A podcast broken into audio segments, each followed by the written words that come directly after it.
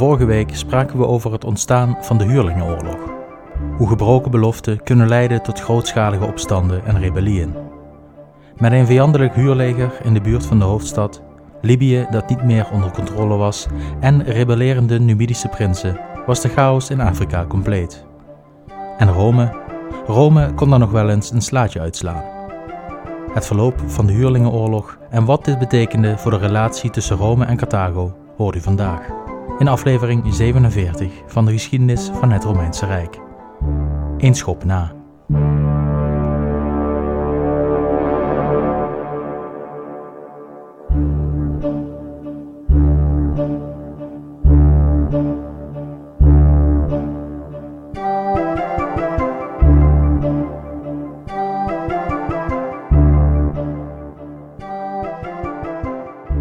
Met Hanno's troepen verrast tijdens hun feestelijkheden na het kortstondig veroveren van Utica, hadden de Carthagers zware verliezen geleden.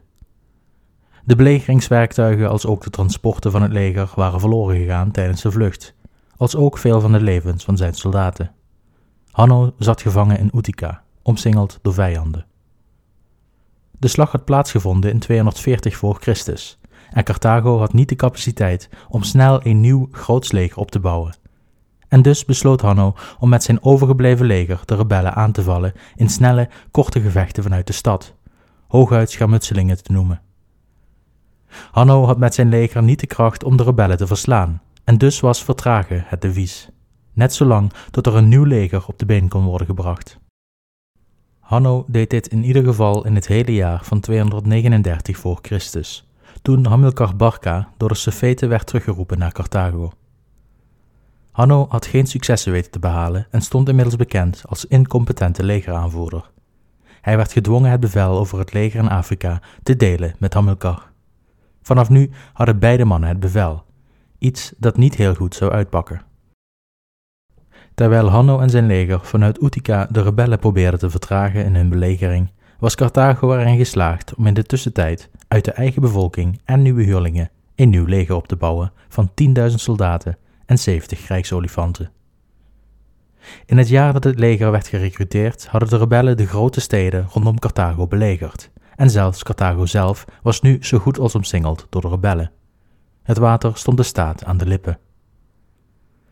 Voordeel was dat de rebellen niet de beschikking hadden over belegeringsvoertuigen.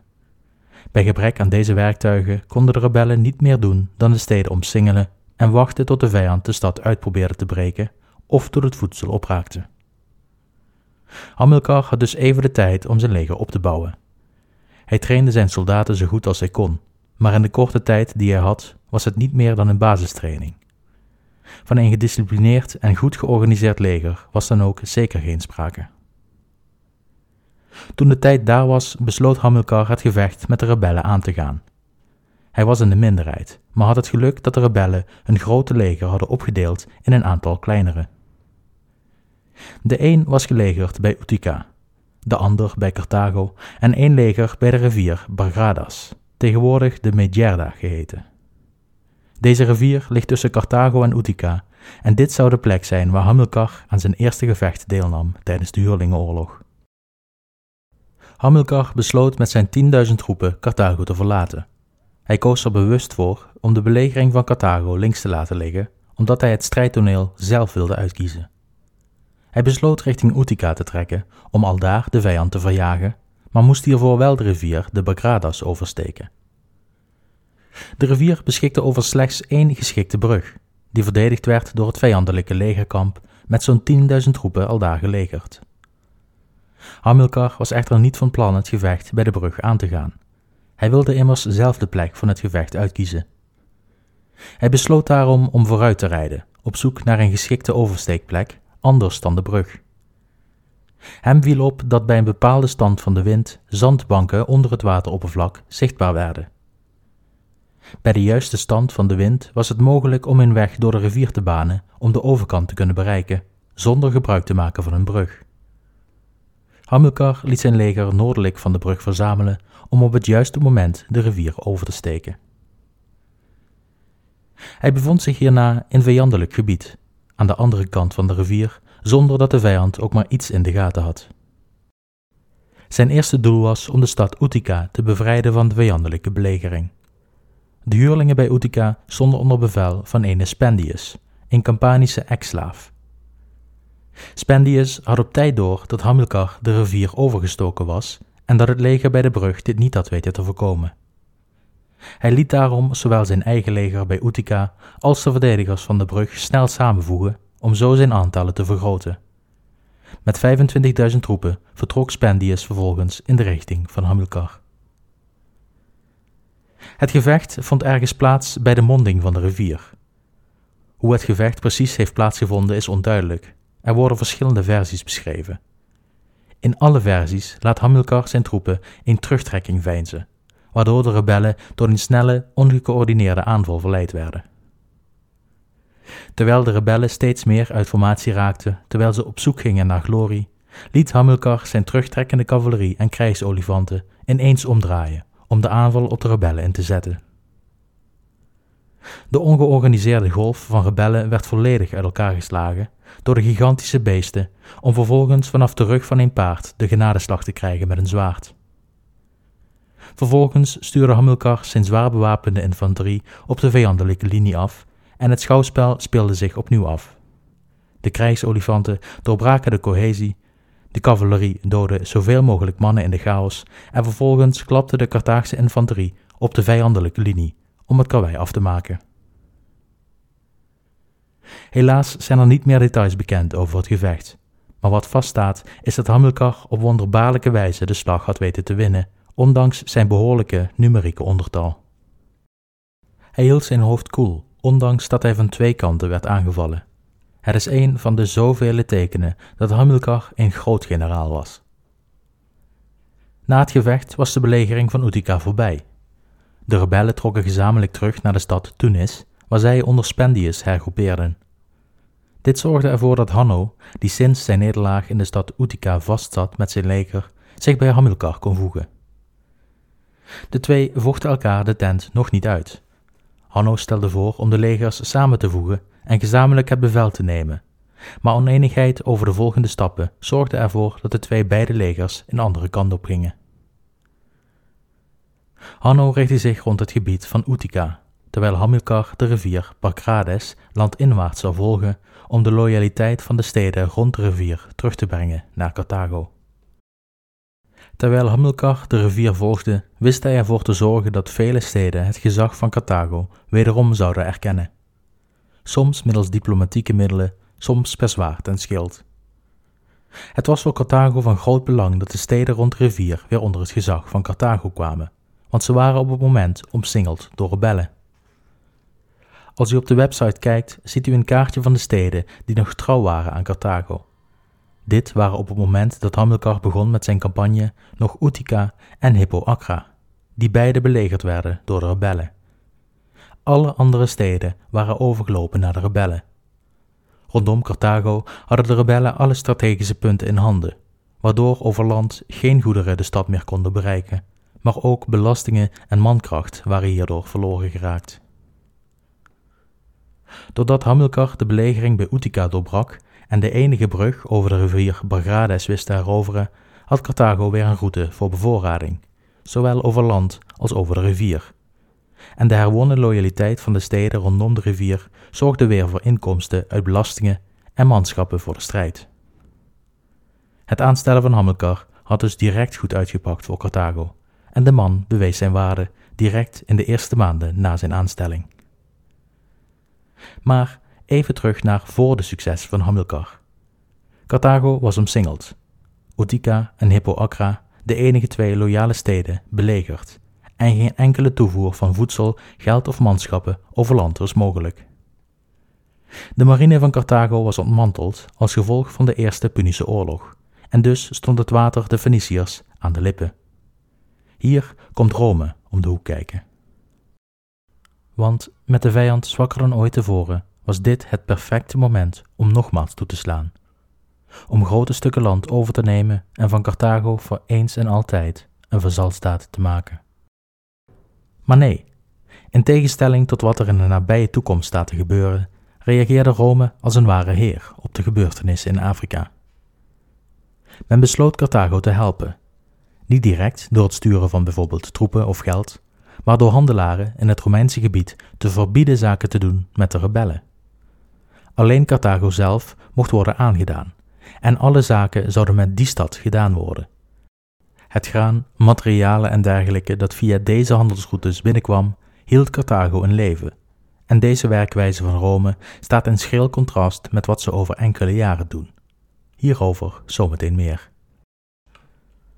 Rome hield Carthago dus in leven, wat de Feniciërs in staat stelde te vechten voor hun voortbestaan. Terug naar Hamilcar. Terwijl Hamilcar de rivier langs marcheerde en stad na stad heroverde, werd zijn locatie opgepikt door Spendius. Hij verzamelde zijn leger en haalde een aantal Numidische prinsen over om met hun cavalerie de rebellen te helpen in de strijd. Met twee legers marcheerde Spendius in de richting van Hamilcar, die zich binnen de kortste keren alweer omsingeld zag worden door twee vijandelijke legers. Ditmaal wederom de Siciliaanse rebellen gesteund door Libische soldaten, maar ook door de uitmuntende Numidische cavalerie. Dit gevecht zou nog wel eens heel, heel zwaar kunnen worden. Terwijl Hamilcar was vastgezet, liet het gevecht nog een dag op zich wachten. Terwijl de troepen zich voorbereidden op de te komen strijd, viel de avond en vervolgens de nacht. Tijdens deze nacht merkten de kampbewakers van Hamilcar een kleine groep ruiters op, die onder dekking van de duisternis het kamp benaderde. De groep was klein en kwam direct op het kamp af. De poorten werden geopend en de groep werd binnengelaten met enige scepsis van hun bedoelingen. Na ongetwijfeld een eerste aantal ongemakkelijke vragen werd een van de ruiters herkend als een van de Numidische prinsen. Hij was naar Hamilcar gekomen om zijn trouw aan de generaal te zweren. Hij had tijdens de Eerste Punische Oorlog met Hamilcar gevochten in de guerrilla-oorlog tegen Rome. De prins, Naravas geheten, was tijdens deze campagne zo onder de indruk geraakt van Hamilcar dat hij niet tegen hem wenste te vechten, maar hem juist wilde helpen om de chaos in Afrika te beteugelen. Naravas had familiebanden met de adel van Carthago, en voor zijn hulp tegen Spendius beloofde Hamilcar een van zijn dochters aan de prins. In ruil hiervoor kwamen de twee tot een overeenkomst. Naravas liet Hamilcar uit zijn benarde positie ontsnappen en voegde zich bij de Carthagers, samen met zijn uitmuntende 2000 cavaleristen. Nadat de prins en Hamilcar de troepen samen hadden gevoegd, besloot Spendius snel toe te slaan hij wilde voorkomen dat de Carthagers zouden ontsnappen zonder gevecht. En dus gaf hij het teken de aanval in te zetten, wat Hamilcar dwong het gevecht aan te gaan. Ook van dit gevecht zijn de details schaars. Aantallen en locatie zijn onbekend, en eigenlijk staat alleen de uitkomst vast. Het gevecht moet zwaar geweest zijn, met een empirische overwinning voor de Carthagers als gevolg. 10.000 rebellen werden gedood en nog eens 4000 gevangen genomen. Maar Spendius wist ook nu te ontsnappen. De gevangen genomen rebellen werden door Hamilcar goed behandeld. Zijn inziens waren het soldaten die zich hadden bewezen in de oorlog voor Carthago op Sicilië, en dus hadden ze het recht op een eerlijke behandeling. Hen was onrecht aangedaan door ze niet te betalen, en dus lag de schuld van de rebellie niet alleen maar bij deze soldaten. Hamilcar gaf ze de keus om of voor Carthago te vechten tot de rebellie voorbij zou zijn, of terug te keren naar het land van herkomst, onder de belofte nooit meer de wapens op te pakken tegen Carthago. Deze eerlijke behandeling van de rebellen kwam behoorlijk onverwacht. De rebellen hadden verwacht dat de verraderlijke Carthagers iedere rebel direct zouden doden, zodat ze onder het betalen van de schuld uit zouden komen. Dat de rebellen een keuze kregen om met hun leven te ontsnappen, scheen een heel ander licht op de generaal Hamilcar, die de blikken van de rebellen deed verruimen. Binnen het rebellenleger werd in overgave steeds meer besproken, en het sentiment leek te verspringen van pure vijandigheid naar reden. Spendius en zijn kompanen konden dit uiteraard niet gebruiken. Ze besloten daarom rigoureuze maatregelen te nemen om verder verraad onder hun gelederen te voorkomen. Spendius sprak tegen zijn troepen dat Carthago helemaal niet van plan was de rebellen juist te behandelen. De amnestie die de rebellen kregen was slechts een list om het leger uit elkaar te breken. En wanneer de oorlog voorbij zou zijn, zouden de rebellen afgedankt worden, zoals ze dat eerder al overkomen was, naar Sicilië. Om enige goodwill tussen beide partijen kapot te maken, liet Spendius het bevel uitgaan dat iedere Carthager die gevangen genomen zou worden, door de rebellen gemarteld en gedood zou worden. De troepen die reeds door de rebellen gevangen waren genomen, werden als voorbeeld gebruikt. Ze werden gruwelijk mishandeld. De ogen werden beschadigd of uit het hoofd gelepeld, de handen werden afgehakt, de benen werden gebroken. En het hoopje mens dat nog over was, werd vervolgens in een diep gegraven gat gegooid.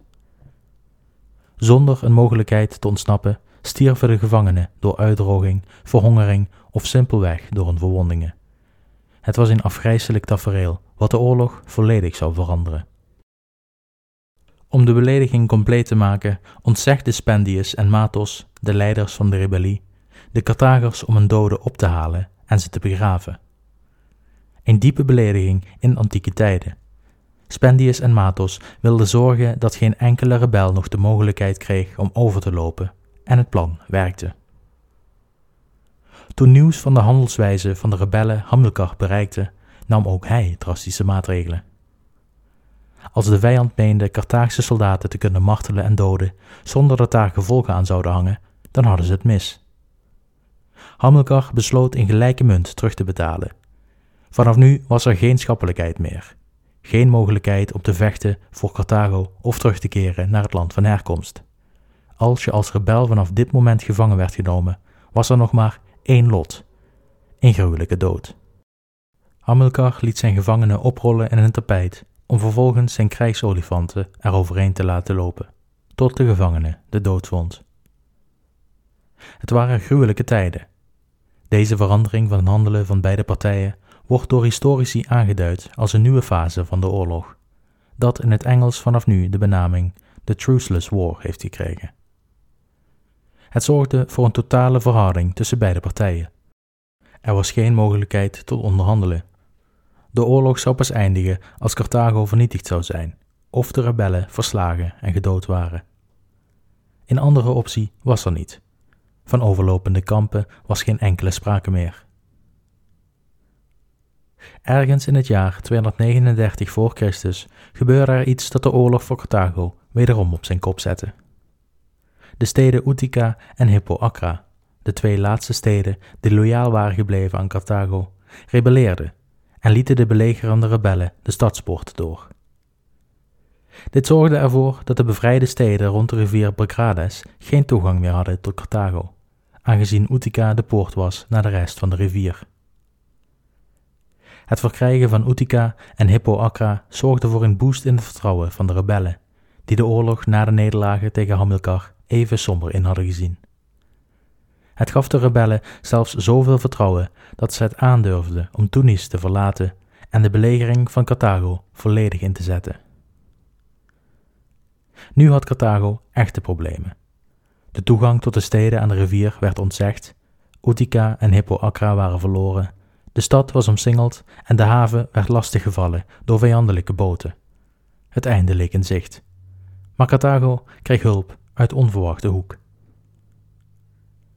De aardsvijand van enkele jaren eerder besloot de Carthagers te helpen. De voormalig vijandelijke marine beschermde de haven van de stad.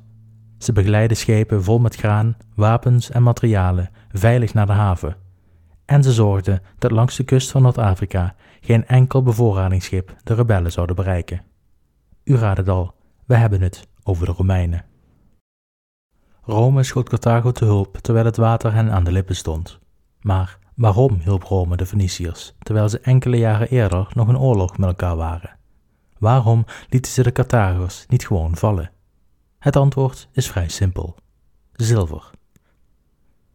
Carthago moest nog steeds herstelbetalingen doen aan Rome, nog zeker zeven jaren lang, en Rome had het geld hard nodig. De schatkist was pas net weer een beetje hersteld van de oorlog met Carthago en oprukkende barbaren in het noorden van Italië betekende dat de schatkist goed gevuld moest zijn voor de onverwijtbare oorlog die daar stond te gebeuren. Rome kon het geld van Carthago dus goed gebruiken, en de rebellen hadden geen verdrag met Rome gesloten. Zodra de rebellen de macht zouden grijpen in Noord-Afrika, dan kon Rome fluiten naar het Carthaagse zilver, en dat kon men niet laten gebeuren. Terwijl Rome Carthago in leven hield, besloten Hanno en Hamilcar hun legers samen te voegen. Aangezien men niet meer kon vertrouwen op overlopers en de rebellen in aantallen veel groter waren, moest er één groot leger komen dat enigszins gelijkwaardig zou zijn aan de rebellen. De twee legers ontmoetten elkaar, maar er ontstonden direct problemen over de te varen koers. Na enige tijd besloten de generaals het aan de soldaten over te laten wie de gezaghebbende generaal zou worden. Het leger koos voor Hamilcar en Hanno verliet het leger om het bevel aan Hamilcar over te laten. Hamilcar stortte zich op het aanvallen van de bevoorradingslijnen van het belegerende leger bij Carthago. Hij was succesvol en het voedsel van de belegeraars raakte schaars, zo schaars dat de belegering moest worden afgebroken. Met voedsel dat de stad bleef bereiken via Rome en zonder belegeringswerktuigen zou de belegering nog jaren kunnen duren, en zonder voedsel konden de rebellen dat niet volhouden. Spendius werd op Hamilcar afgestuurd met een nieuw leger, terwijl Matos terugtrok naar Tunis om de blokkade van Carthago op een afstand voor te zetten, zonder de stad zelf te belegeren. Spendius vertrok met een leger van 40.000 troepen op zoek naar Hamilcar. Overal waar Hamilcar en zijn leger gezien waren, werden ze gevolgd door Spendius. Toen Spendius tijdens de achtervolging door een bergpas moest, sloeg het noodlot toe. Hamilcar had de rebellenleider precies waar hij hem hebben wilde. Het was een soort herhaling van de Caudijnse pas tijdens de Tweede Samnitische Oorlog. Alle uitwegen van de pas werden door Hamilcar geblokkeerd en de generaal gebruikte het terrein in zijn voordeel. Hij zou de rebellen niet aanvallen, maar de keus aan zijn vijand laten. Spendius had twee keuzes: of de aanval inzetten op nadelig terrein, of hopen op de komst van Matos en zijn leger om Spendius te bevrijden. Hij besloot te wachten. Maar ditmaal was het de slechte organisatie van de rebellen dat ervoor zorgde dat Matos nooit Tunis zou verlaten. Dagen, weken gingen voorbij terwijl Spendius en zijn leger vastzaten in de bergpas. Het voedsel raakte op en het rebellenleger koos ervoor de paarden te doden om deze op te eten. Toen de paarden geconsumeerd waren en er geen ander dierlijk voedsel meer voorhanden was, koos men voor een wel heel lugubere bezigheid. De slaven die het leger ondersteunden werden gedood en opgegeten. Cannibalisme was nodig om te overleven in afwachting op de bevrijding vanuit Tunis. Toen ook de slaven niet meer voorhanden waren en de bevrijding er nog steeds niet leek aan te komen, werd Spendius door zijn leger gedwongen om het gesprek aan te gaan met Hamilcar, in de hoop tot een overeenkomst te komen. Spendius, samen met de Gallische leider Autariatus en enkele andere hoge officieren uit het leger, wendde zich tot Hamilcar en boden hem de volgende deal aan. Jullie nemen tien willekeurige mannen uit mijn leger gevangen en laten de rest gaan met alleen hun tunieken.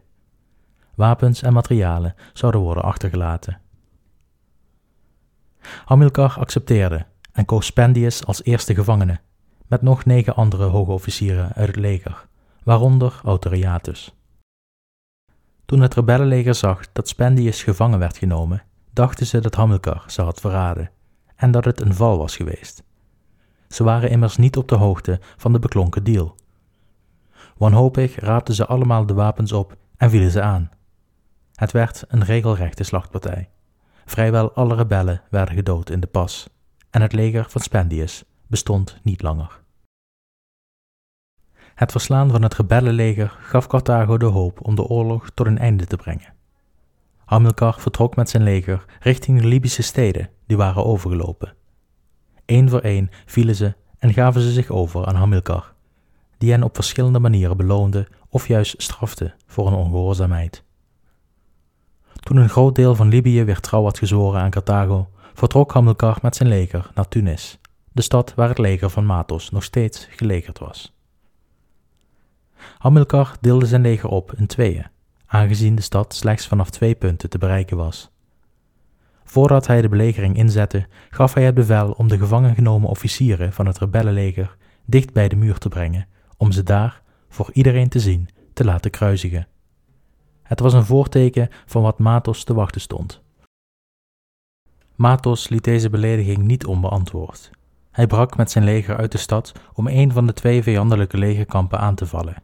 Hij slaagde erin om de commandanten van het andere deel van Hamilcars leger gevangen te nemen. Vervolgens namen ze hen mee naar dezelfde kruizen waar Spendius, Autariatus en de andere rebellenleiders hingen, om hen eraf te halen en de Carthaagse bevelhebbers op dezelfde manier te doden. Nogmaals, de tijd van onderhandelingen waren al lang voorbij. Bij de aanval had Matos een hoop bevoorradingen in handen weten te krijgen, en Hamilcar was niet meer zeker van een succesvolle uitkomst van de belegering. Hij trok daarom terug in de hoop de rebellenleider te verleiden hem te achtervolgen, om een laatste gevecht op terrein dat door Hamilcar werd uitgekozen te forceren. Hamilcar trok weg van de stad richting het noorden. In Carthago werd Hanno weer opgetrommeld om toch nog eens te proberen om samen met Hamilcar het leger te leiden. Hamilcar en Hanno werden herenigd en van enige oneenigheid was nu geen sprake meer. Het doel was duidelijk: Matos verslaan via een directe confrontatie. Matos was in de tussentijd vertrokken uit Tunis. Hij trok met zijn leger zuidwaarts om de rijke Libische stad Leptis Parva te bereiken, hedendaags monastier aan de kust van Tunesië. De stad was in het begin van het conflict overgelopen naar de rebellen. Hamilcar en Hanno achtervolgden de rebellen met waarschijnlijk een leger van zo'n 40.000 troepen. Werkelijk alle mannen in militaire leeftijd in Carthago waren gerecruiteerd voor dit leger, en alle Libische steden die alweer onder controle van Carthago stonden, werden gedwongen alle troepen te leveren die ze konden. Matos, die zelf ook de beschikking had over een leger van ongeveer 40.000, besloot niet af te wachten totdat Hamilcar en Hanno Leptisparva zouden belegeren. Hij koos ervoor om de Carthaagse generaals in open veld buiten de stad te ontmoeten voor het gevecht. Helaas zijn de details over dit gevecht verloren gegaan aan de tijd. Met het totale gebrek aan details kan ik u alleen vertellen dat Hamilcar en Hanno wisten te zegevieren. 30.000 rebellen zouden de dood vinden. De rest werd gevangen genomen en overgelaten aan de olifanten om een klusje te klaren. Matos werd door de straten van Carthago gesleept en vogelvrij verklaard. Hij stierf na gruwelijke martelingen, uitgevoerd door de Carthaagse bevolking. Hamilcar en Hanno gingen door om alle Libische steden weer in het gereel te krijgen. Slechts een formaliteit, aangezien de Libiërs geen rebellenleger meer hadden om op terug te vallen. Met Libië werd trouw waren alleen Hippo Acra en Utica nog steeds niet onder controle. De beide steden raakten in paniek en stuurde zelfs een voorstel naar Rome, waarin ze beloofden zich bij de Romeinse Republiek te voegen als ze de stad zouden beschermen tegen Carthago. De Romeinen weigerden, en Utica en Hippo Acra werden heroverd en kregen het zwaar te verduren. Dan zijn we bijna aan het eind van deze aflevering. Maar voordat we eindigen, gaan we het eerst nog even hebben over Sardinië en Corsica. Tijdens de Huurlingenoorlog waren de rebellen bezig om zoveel mogelijk gebieden te laten rebelleren tegen Carthago, om zo inkomsten, mankracht en materialen weg te nemen van de vijand. De Carthaagse legers die de eilanden moesten bewaken bestonden, u raadt al, voornamelijk uit huurlingen.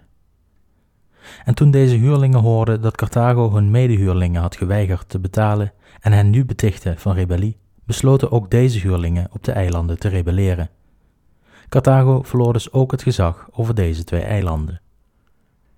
Toen aan het eind van de huurlingenoorlog Carthago wat meer ruimte had om legers te verplaatsen, stuurden ze een nieuw huurlingenleger naar Sardinië om het eiland te heroveren. Dit pakte niet geheel uit zoals gepland, want ook deze huurlingen verraden Carthago. Ze voegden zich bij de rebellen en vermoorden alle Carthagers op het eiland. De eilanden waren een rebellenstaat geworden en toen Carthago de huurlingenoorlog in Afrika gewonnen had in 238 voor Christus, begonnen de rebellen op de eilanden zich zorgen te maken.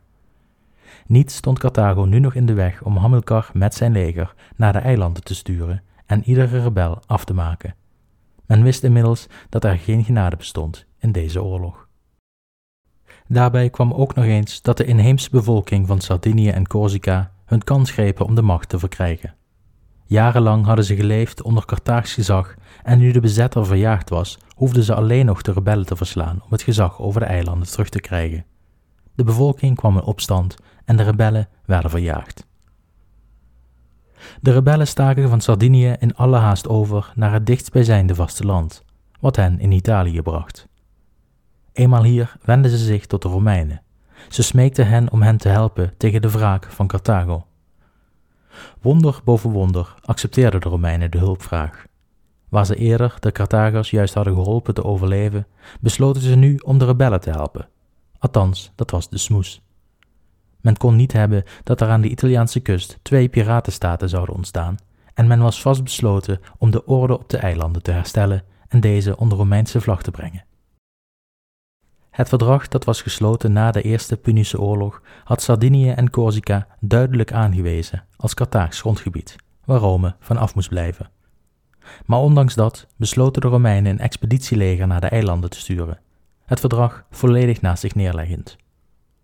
Het was een schande, een regelrechte belediging richting de Carthagers en belangrijker nog, naar het Romeinse moreel. Hoe kan het dat Rome ineens wel bereid was om Carthaags grondgebied in te nemen, waar ze dat enkele jaren eerder juist weigerden?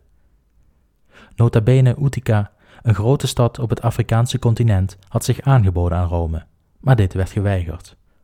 Rome had toen Carthago op haar gat lag gemakkelijk grote delen van het rijk kunnen overnemen, maar ook dit geweigerd. Waarom zouden ze nu Carthago er weer bovenop was een dergelijke agressieve zet doen? Waarom precies is onduidelijk, maar men schrijft deze wijziging in beleid met name toe aan de immer veranderende samenstelling van de Romeinse Senaat. Het is zeer waarschijnlijk dat er binnen de Senaat verschillende kampen bestonden, de een voor in oorlog met Carthago en de ander tegen. De samenstelling van de Senaat kan tijdens de Huurlingenoorlog vooral gedomineerd zijn door de tegenstanders van de oorlog, waar dat het jaar erna weer anders kon zijn. Verschillende consuls kunnen van invloed zijn geweest op de keuzes van de Senaat, en individuele senatoren zouden op zoek kunnen zijn geweest naar faam door het overnemen van deze eilanden op de vijand. Hoe het ook zij, de Senaat stuurde een leger naar Sardinië en Corsica, die de eilanden toevoegde aan de Romeinse Republiek. Carthago sprak uiteraard schande van deze opzichtige breuk van het verdrag en eiste dat de Romeinen vertrokken van de eilanden en het gezag overdroegen aan Carthago. Romes antwoord was niet mis te verstaan. Als Carthago een leger naar Sardinië stuurt, zien wij dat als een oorlogsverklaring. Rome zal de totale oorlog verklaren aan Carthago en haar met al haar macht bestrijden. Het was duidelijk. Rome was van plan om op Sardinië en Corsica te blijven. En als Carthago ook maar iets in de weg zou leggen, was een totale oorlog de consequentie. Carthago, pas net herstellende van de Huurlingenoorlog, was in geen positie om een dergelijke oorlog te beginnen. Men had geen andere keus dan de eilanden af te staan aan Rome en met wrok op zoek te gaan naar nieuwe landen. De actie van Rome wordt door verschillende antieke historici omschreven als verraderlijk en Rome onwaardig. Het was een controversiële actie die zeker niet bij iedereen in Rome in de smaak viel. Wat de Romeinen met de actie mede veroorzaakten, was een enorme wrok bij de Carthagers, nog veel meer dan na het sluiten van het vredesverdrag na de Eerste Punische Oorlog. Onder andere Hamilcar kwam tot de realisatie dat een tweede oorlog met Rome onontkoombaar was en dat de Romeinen niet te vertrouwen waren. Welke concessie Carthago ook zou doen, oorlog zou wel hoe dan ook komen. Hamilcars haat tegen de Romeinen gaf hij door aan Hannibal, zijn zoon. Hij voedde zijn zoon op met verhalen over het Romeinse verraad, dat Rome nooit vertrouwd moest worden en dat Rome uiteindelijk vernietigd zou moeten worden om Carthago te kunnen laten voortbestaan. Later, toen Hamilcar campagne voerde op het Iberische schiereiland, liet hij zijn toen negenjarige zoon Hannibal in een ceremonie zweren voor altijd een vijand te blijven van Rome. De acties van Rome nu zouden onvoorziene en desastreuze gevolgen hebben voor de Romeinen enkele decennia later. Maar dat is iets voor een latere aflevering. Voor nu zijn we bij het einde gekomen. Ik hoop dat de aflevering u goed is bevallen en zoals altijd, bedankt voor het luisteren en tot de volgende keer.